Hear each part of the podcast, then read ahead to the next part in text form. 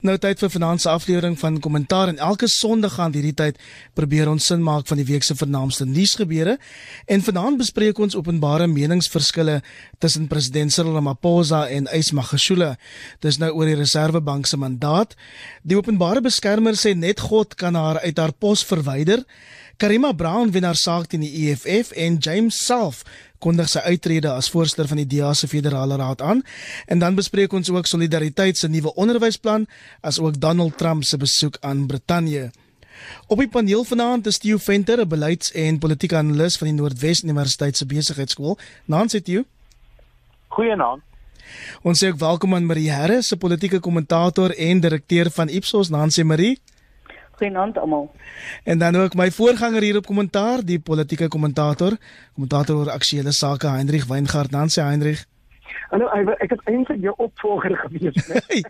ja, voorganger, opvolger. Ek het eers aangebied voordat ek oorgeneem het en dan ook vir Marie en vir Theo ook. Lekker om julle almal op die lyn te hê.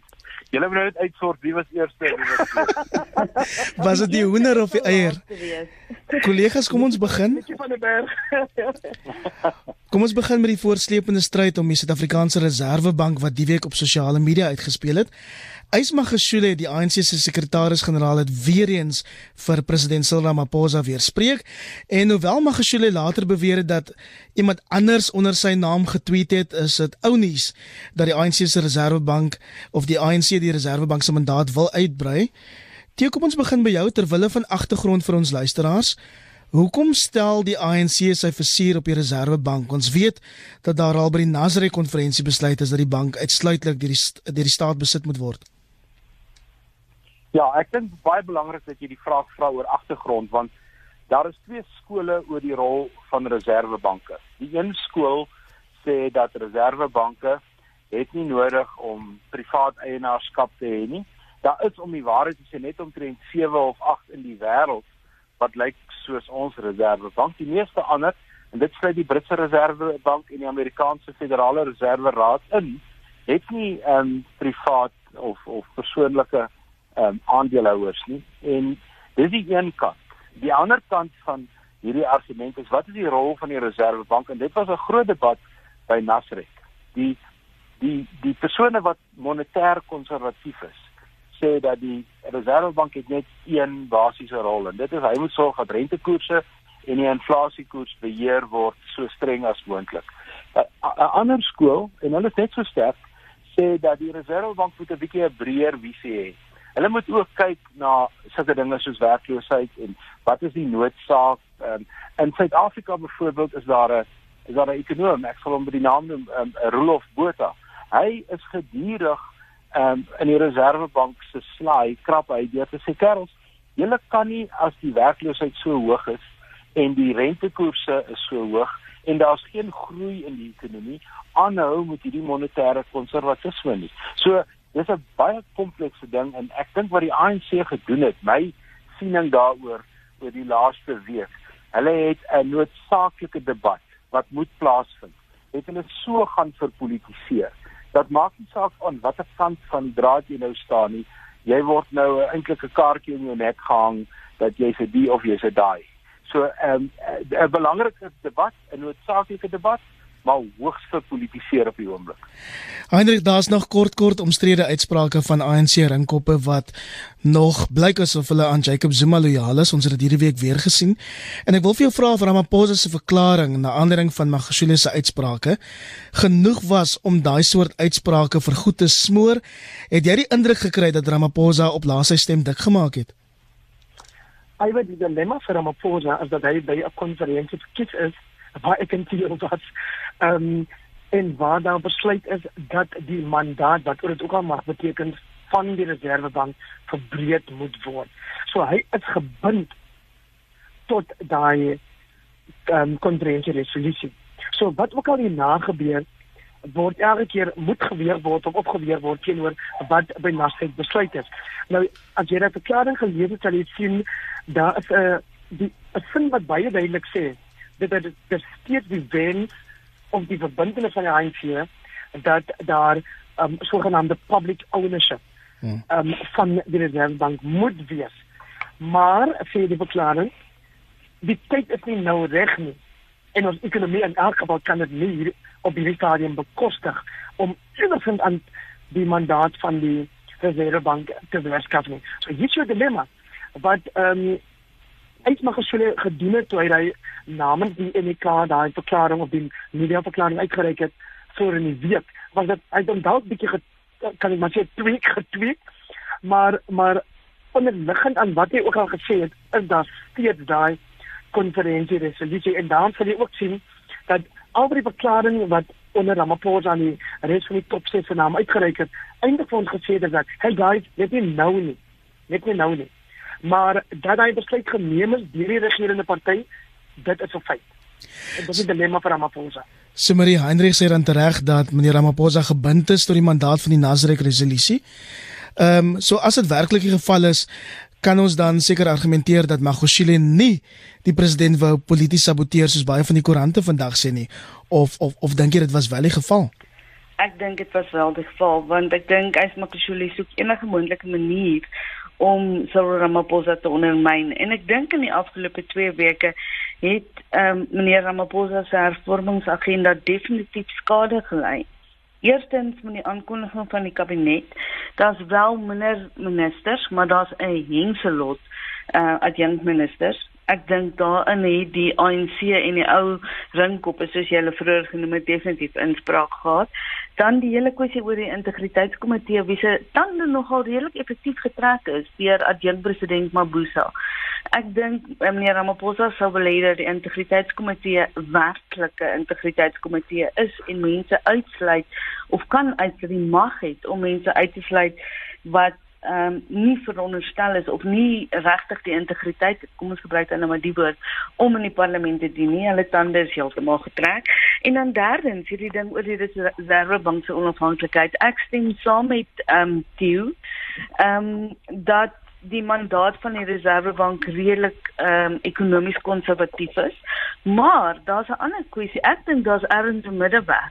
Jy hoef nie net na inflasie en die stabiliteit van die rand en daai goeders te kyk nie. Jy hoef nie so ver te gaan soos groei en werkloosheid nie, maar hoewel hy die woorde verkeerd gebruik het, het uh, meneer ja. Makashule in die verklaring ook gepraat van quantitative easing. En dit is 'n ding wat my baie baie maak. Want dit beteken eintlik dat jy geld druk soos hulle in Engels sê you printing money sonder dat daar enige geld in die land is.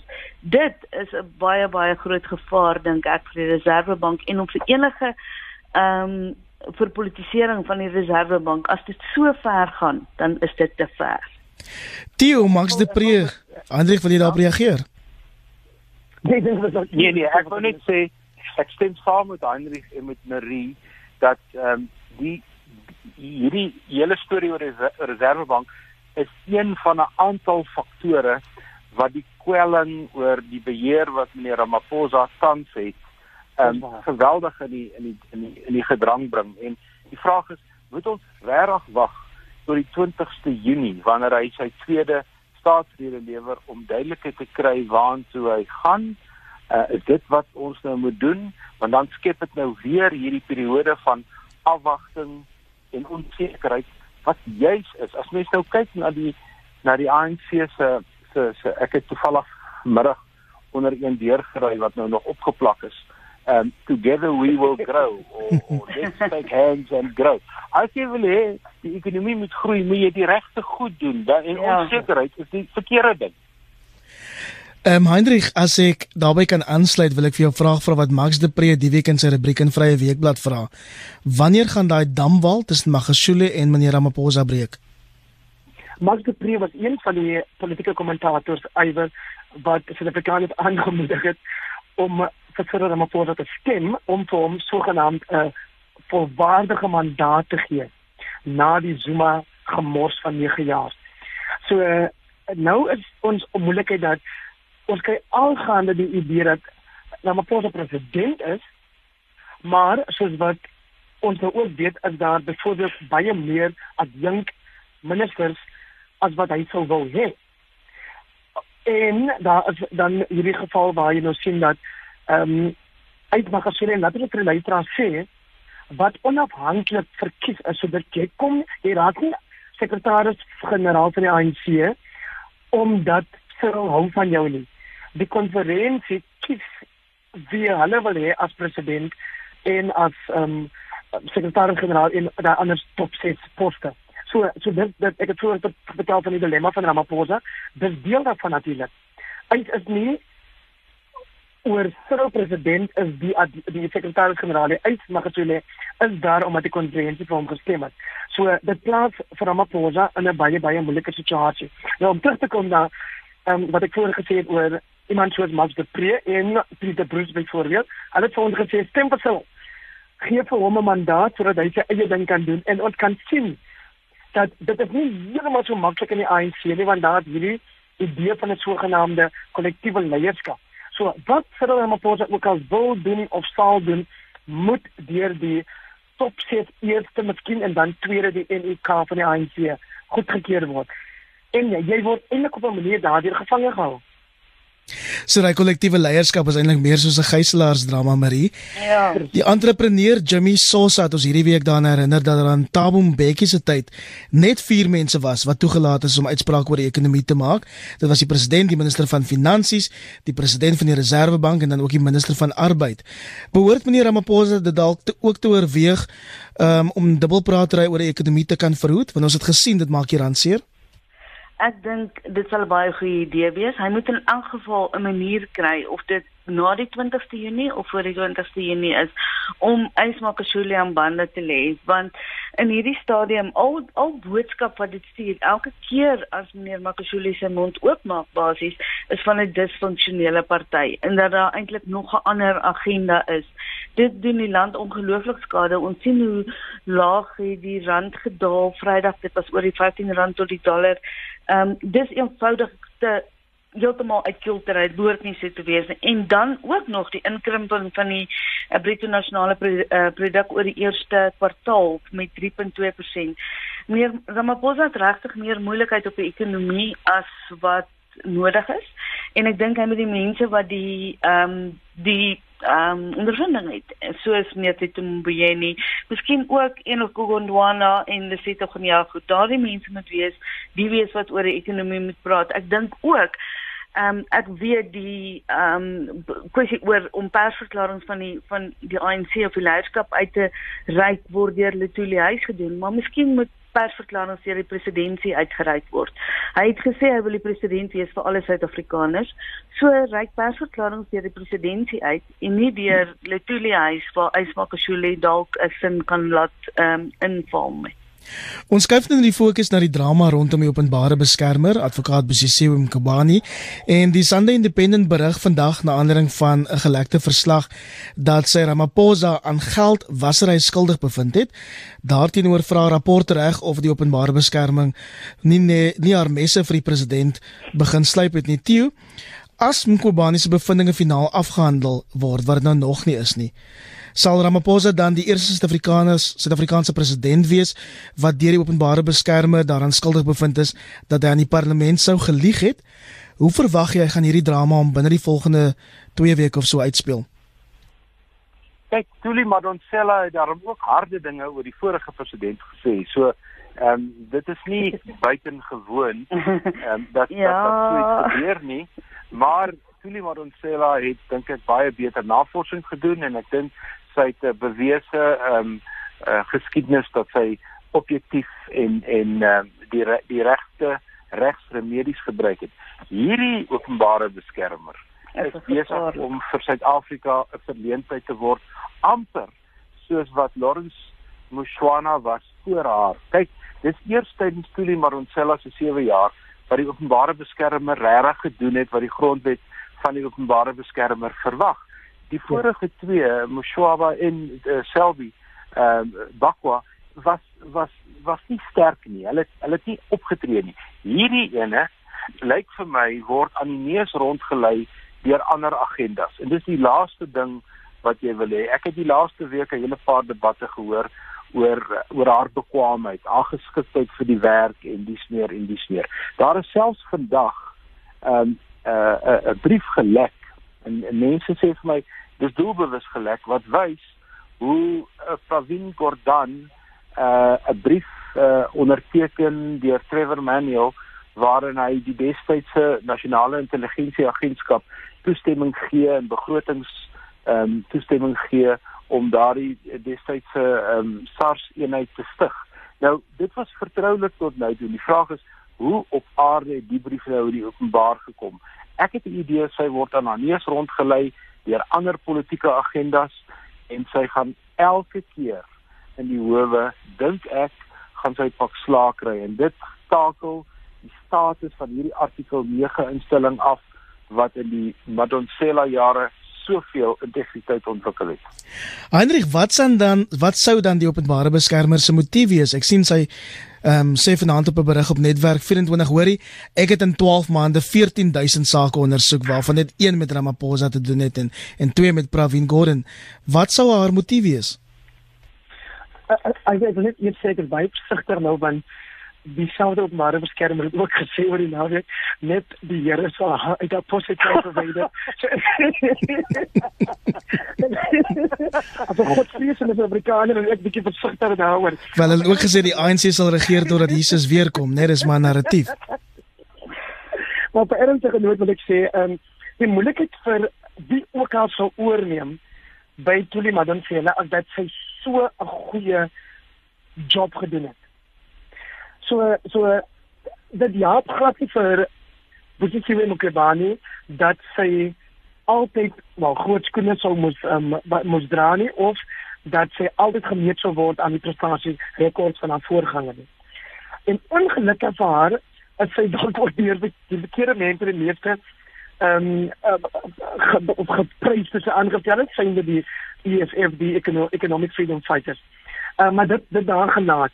Ehm um, kyk ek ek wil vir sê ek het een dalk van mense wat Afrikaners wat sê self al gaan dit oor Pravin Gordhan wat ons almal erken as 'n baie baie goeie minister en en en 'n eerbare mens wat jy eintlik sê. Het self nie hy die reg om die openbare beskermer te kantoor van die openbare beskermer verdag te maak. Jy sal onthou dat uh, Mangosuthu Buthelezi die een ou wat deurentyd gesê het, selfs met die Zuma gemors Julle kan julle mag dalk nie hou van Zuma nie, maar moet asseblief nie die kan die um, sogenaamde office of the presidency, die presidentsie verdag maak nie. En ek wil selfs dan sê oor die kantoor van die openbare beskermer. Nou, hier is die moeilikheid. Ehm um, dit dalk net heeltemal toevallig of dalk nie toevallig nie dat ehm um, Mekobani hierdie stryd met Gordon aan het en nou ook natuurlik die stryd met Ramaphosa as dit waar is dat sy hom reeds skuldig of van dit. Nou, ons weet almal hy het gelieg vir die parlement. Daaroor moet ons ook hmm. nog nie ehm um, bid hier nou nie. Ons moet ons moet eerlik wees daaroor. En dat hy agterna gesê het ekskuus man, die inligting wat ek gekry het was dalk verkeerd. Maak hom nie onskuldig nie. So hy moet ondersoek word en gelukkig laat ons gewoon dit toe dat wanneer die openbare beskermer ehm um, 'n bevinding teen jou maak, kan jy hof toe gaan soos wat Pravin Gordhan heeltemal reg nou doen om dit te betwis. Dis wat ek daaroor wil sê. Marie die openbare beskermer het nou ook um, hierdie naweek gesê dat sy polisie klagtes gelê het teen daai mense waarvan Heinrich nou praat die mense wat daar kantoor verdag maak. Sy sê mense wat daar viktimiseer waaronder die media, regeringsamptenare en ook 'n minister. Wat moet ons daarin lees? Ek dink sy is uiters kleinserig en ehm um, as jy daardie werk wil hê, moet jy dit maar doen soos wat dit kom en soos wat ons sê dis groot skoene van Tuli maar ons sê wat sy moet volstaan maar ehm um, die OB se bevindinge omtrent elke verslag wat sy uitgebring het tot dusver is daar vra oor gevra. Daar's vanmiddag aangekondig deur die Financial Sector uh, Conduct Authority dat hulle die verslag wat sy oor hulle opgestel het die integriteit daarvan betwyfel. So ek dink dit is eintlik meer moeilikheid is waarmee sy heeltemal kan ehm um, wat sy kan hanteer En dan die ander ding wat ek wat ek oor haar wil sê is dat sy het in die 2017-2018 uh boekjaar 18356 klagtes ontvang. Daarvan is 4400 oorgedra na hierdie boekjaar, toe die 2018-19 boekjaar. Haar klagte was dat sy nie dat dit te veel kos, dat sy nie die kapasiteit het om aan al hierdie dinge aandag te gee nie. Nou waarom wil sy teruggaan na 'n kwessie soos hierdie road unit in die reservebank? Wat alreeds 5 keer ondersoek is deur verskillende kwessies, deur 'n mm. mm. regter, deur die sanitans, deur KPMG wat ek miskien nie seker is dat hoe goed daai verslag was nie en die volke. Hoekom moet sy nou teruggaan daarna toe? Ek dink net sy konsentreer op die verkeerde dinge. Sy weet nie heeltemal mooi hoe om haar werk te hanteer nie. En as sy nou hierdie saak verloor wat sy gemaak het, dink ek behoort dat deur die sy deur die parlement ondersoek en afgedank word. Ek het in elk geval 'n probleem met enige politici wat die uh, Here se ondersteuning vir hulle self toeëien. Kollegas, ons gaan moet aanbeweeg na ander nuus. Ek vermoed ons gaan nog omtrent elke tweede week oor die OB praat. Die EFF het hierdie week sy lasterhuis teen Karima Brand verloor. Om dit in verdere konteks te stel, die EFF het in die laaste ruk 5 verskillende bevele teen Afriforum verloor met 'n totaal van 235 000 rand. Die party moet ook 500 000 rand opdok vir lasterlike beweringe um, teenoor Trevor Manuel en die presiese straf vir die Karima Brandebakel moet nog bepaal word. Theo, Theo, die EFF se wilde uitlatings begin hulle nou groot geld kos. Ja, en onthou nou, die uitlatings vir Karima Brand is gedoen net voor die verkiesing en dis eintlik jammer dat ons so lank moes wag vir die mm. vir die uitspraak want dit was toe geweldig relevant en en die fokus was skerp daarop. Ek dink wat die howe vir ons hier vertel, die groot storie hier is die howe begin hulle geduld verloor met hierdie ehm um, onverantwoordelike uitsprake. Kyk, vryheid van spraak neem 'n mens baie ver. Zapiro het spotprente van Zuma geteken wat regtig gegrens het aan die banale, maar die die hof het hom gelyk gegee. So hulle neem die vryheid van spraak kwessie baie wyd en en hulle hulle interpreteer dit baie liberaal. Eh maar ek dink die EFF oortree daai reël wanneer dit kom by die by die fisiese bedreiging van 'n mens of die aftakeling van integriteit en wat in die geval van Karima Brown was, ehm um, wat sy ook al gedoen het, ehm um, het dit nie verdien of geregverdig nie. En ehm um, ek dink hulle sal maar 'n bietjie moet gaan huiswerk doen want hulle kan nie dit bekostig uh in die volgende jaar of twee nie want julle weet almal ons is binne 'n jaar of twee al weer 'n verkiesing al is dit dan net mm plaaslike regeringsverkiesings en dan kom hierdie goed alles terug. Ehm uh, en die kiezer onthou dit. Maar Hendrik, is dit genoeg om die EFF te dwing om te gaan huiswerk doen? Is die uitsprake genoeg om hulle modus operandi in die toekoms te verander of word die partyleiers se gedrag nie eintlik maar deur hulle ideologie beïnvloed nie? Ja, moeilikheid ewe is dat Julius Malema en sy genante maak hierdie uitsprake of dreigemente teen joernaliste wat die EFF se eie skynheiligheid as ek dit sou kan noem bloot lê. So dan sê ook sien iemand soos Paulie van Wyk wat oor die WWF net so dink 'n skandaal die hele tyd skryf, sy word ook deur hulle uitgehaal die hele tyd. So ek is baie baie hmm. baie bly dat Karima Brown op die manier die party aangevat het en ek gaan daarmee sê dat ek vergewe haar dan op 'n manier dat sy dis ek voorheen vir independent newspaper van ek wou so veel gewerk het in Zuma la Kaira.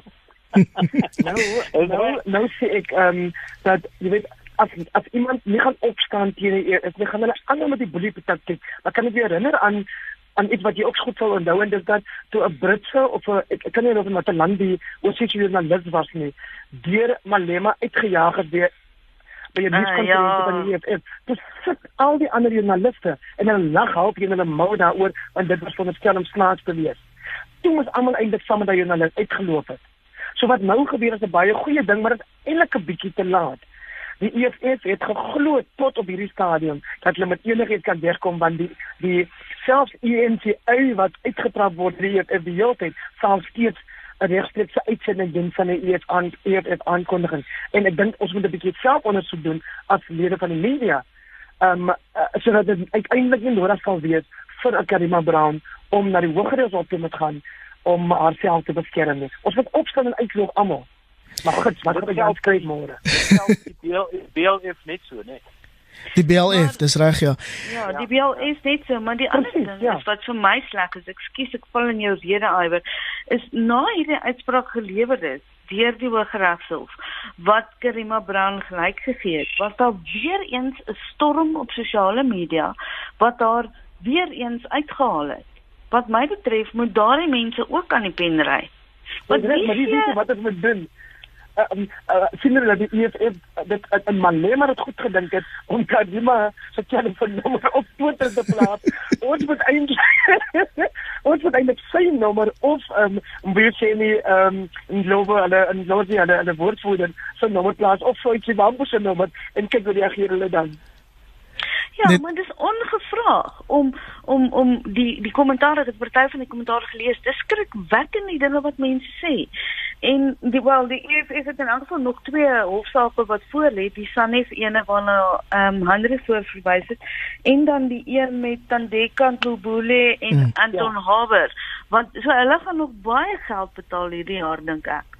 Kollegas ons beweeg aan en ons praat volgende oor nuus dat James self as die voorsteur van die DEA se federale raad gaan uittreë. Het die amp 19 jaar lank beklee.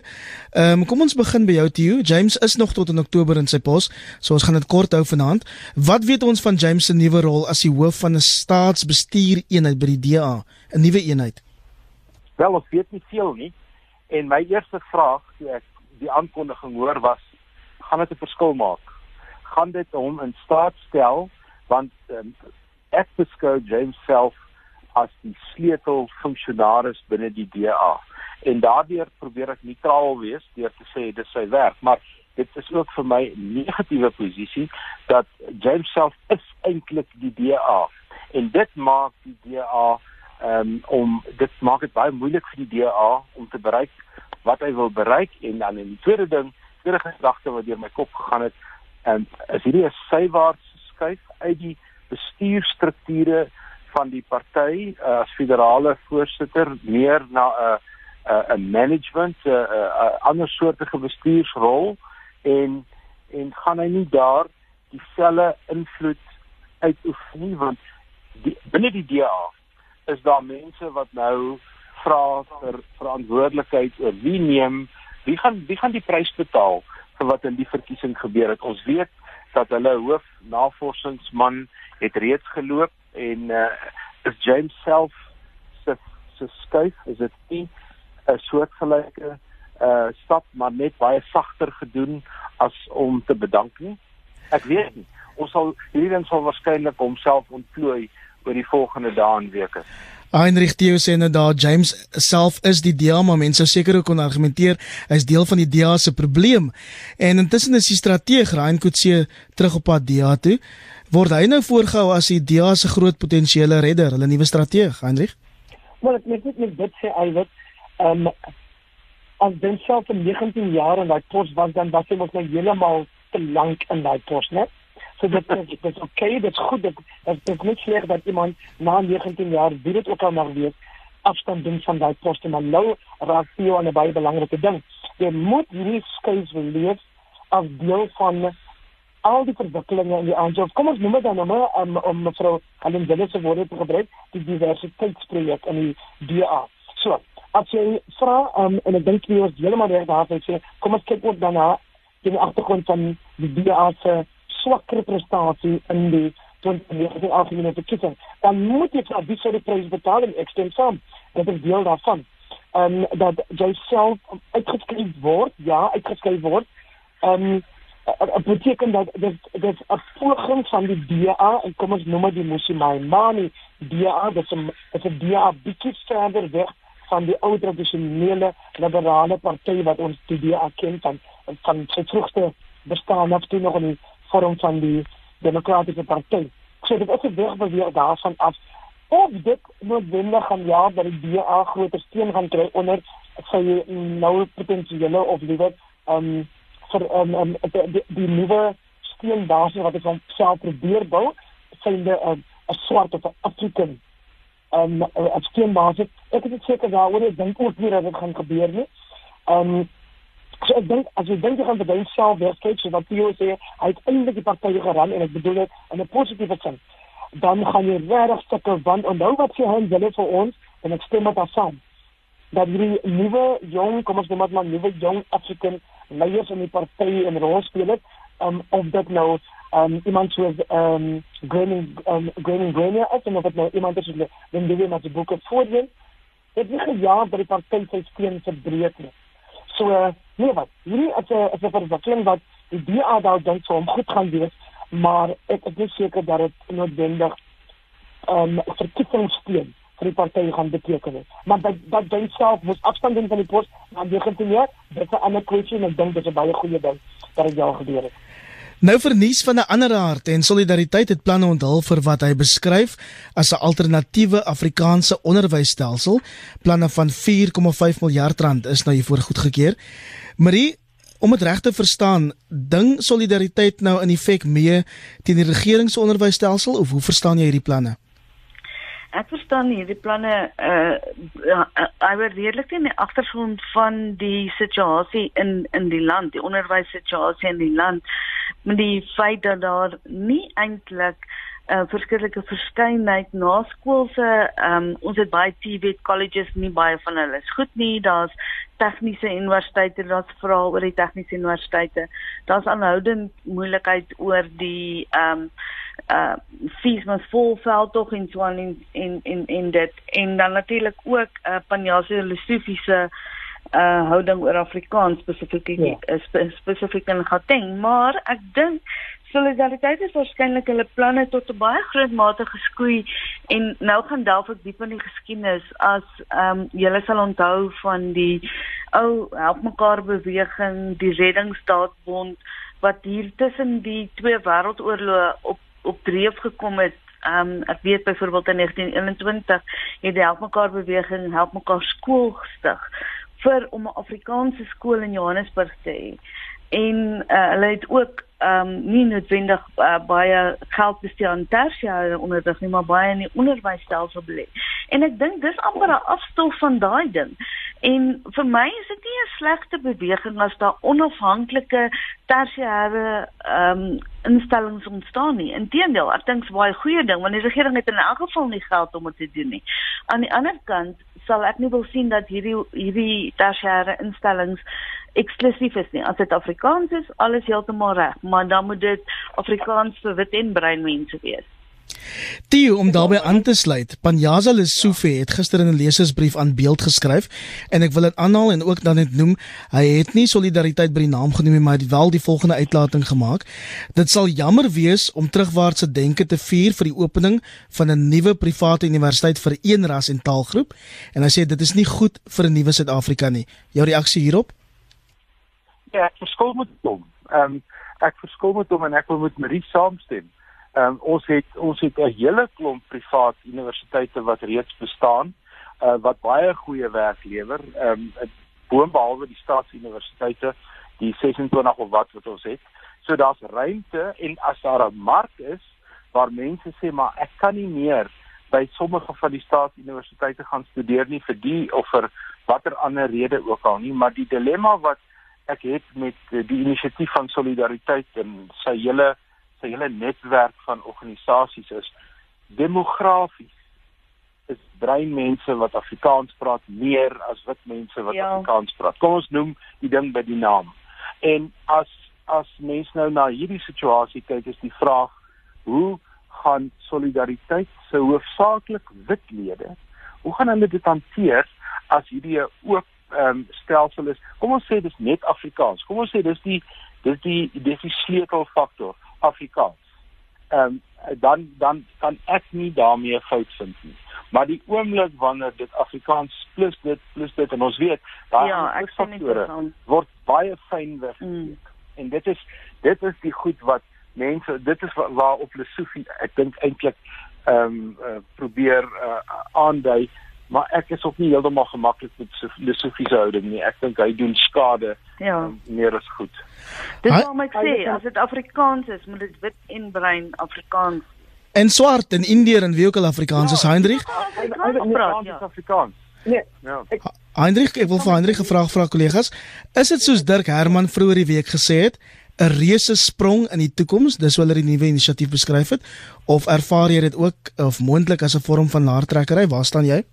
Nee nee, um, Iver, onthou dat um, Dirk Herman het gepraat oor die ek wil amper sê die oorhoofse beweegrede en dit is of jy nou daarvan hou of nie dat hulle inskuif of aansluit by die vierde industriële revolusie beweging. So kom ek aanvaar dit ek het geen rede om te glo dat dit nie daarmee iets te doen het nie. Maar kom ek sê wat jy moeilik het met Panjaz en Sophie.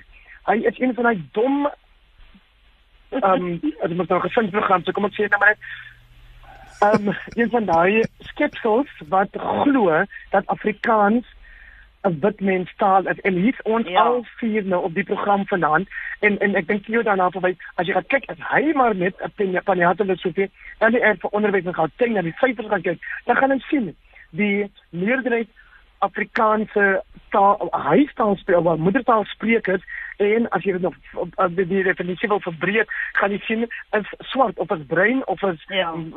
jy weet dit dis inklusief dit maar hy hy hy laat hom aan die hy het hom as lê die het sy onkunde nou nou die moeilikheid ongelukkig is dat wanneer jy net hoor dat dit Afriforum is wat kapsie maak dan sal jy weet waarom hulle soveel versterk word in sy onkunde maar as jy by die punt kom waar die dak net werk um, met Dr. Deetheid as voorsitter van die direksie, 'n um, organisasie wat homself te doen stel om te praat namens die bruin en, en swart Afrikaans sprekende. As hulle ook die dag hulle stem laat hoor, dan gaan hulle soveel weet dat die ding waarna hy glo is lankal nie meer waar nie. So kom ek sê hoekom ons skien ek die idee. Ander kan ek jou vra om dit saam te vat. Ons ons wil nog in in Engeland te draai gaan maak. Goed, ek wil net vinnig weet sê.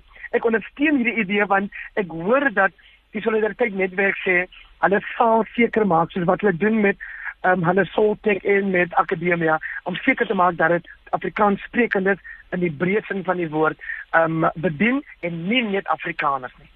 Terloops, ek sien in Panjazile Sofie se brief aan beeld, hy sê dis nonsens. Hy het niks teen Afrikaans nie. Sy kind is 'n produk van Afrikaans. Hy glo net dat ja? alle tale ehm um, 'n gelyke reg moet hê. Voor ons groet, president Donald Trump van Amerika het Brittanje hierdie week besoek. Marie, die groot vraag, wat het ons van Trump se besoek geleer? Het ons enigiets wyser uitgeraak? Vir my was dit nogal baie interessant om daarna te kyk. Iwer, um, ek dink die koningin het hom ongelooflik geïntimideer want dit was die eerste keer wat ek met Trump gesien praat het met so 'n kort toespraak. En dit het hmm. self sin gemaak. Hy het homself nie eens herhaal nie. Nou jy kan hiervan aflei ek is nie 'n baie groot Trump ondersteuner nie. Maar aan die ander kant, die optrede van Corbyn wat hy 'n uh, rally teen Trump toegespreek het en hierdie betoging gelei het, was vir my baie soos hulle in Engels sal sê unstatesmanlike. Ek ek dink as jy as jy 'n uh, uh, besoekende president onthaal, dan volg jy die reëls. En dis miskien ook nou 'n bietjie van van miskien my ouderdom wat dit weer kom, maar ek dink Britse ordentlikheid. Ja, ordentlik. Jy mens moet wel ordentlik teenoor 'n besoeker. Jy jy gaan nou nie 'n betoging nie. Maar ek het geen beswaar as mense betogings hou teen Trump nie. Ek dink net dit is die verkeerde optrede van 'n Britse oppositieleier om dit optog te lei om so iets te doen. Aan die ander kant, ehm um, ek dink die rede waarom hy daar was, die herdenking van die deurdag invalle in in, in Normandië was ongelooflik belangrik. En ek is eintlik 'n bietjie hartseer dat dit so min dekking in Suid-Afrika gekry het. Mm. Die die laaste 30 sekondes of so behoort aan jou. Ja, kom kom ons gee vir Trump dan die klein bietjie erkenning. Hy het hom staatsman, hy het so 'n bietjie staatsmanskap aan die dag gelê. Sy vrou het goed gelyk. Ehm um, en uh die die die die die, die belangrikste van die besoek vir my was maar eintlik dat hy sy eie ekonomiese nasionalisme met Brexit wat maar eintlik dieselfde ding is, ehm um, gaan vergelyk het en hy aan die Britte 'n soort van 'n 'n lewensboei gegee het om te sê doen julle julle ding, julle kan terugval op die Amerikaners, ons gaan julle. So hy daai bande het hy baie gaan versterk ten spyte van al die ander goed en die Britse politiek veral van die konservatiewe party nog verder die mekaar gaan krap. Ja. Baie dankie dan aan die paneellede wat hulle insigte gedeel het. Ehm um, julle kan maar weer kom tee drink hoor. Theo Venter, die beleids- en politieke analis van die Noordwes Universiteit se besigheidskool. Nancy Theo. Goeienaand. Baie dankie ook aan Marie Harris, politieke kommentator en direkteur van Ipsos. Nancy Marie. Almal. En voorreg Hendrik Weingart, kommentator oor aktuelle sake. Nancy Hendrik. Goeie waardering vir die geleentheid en die geselskap, Iwer.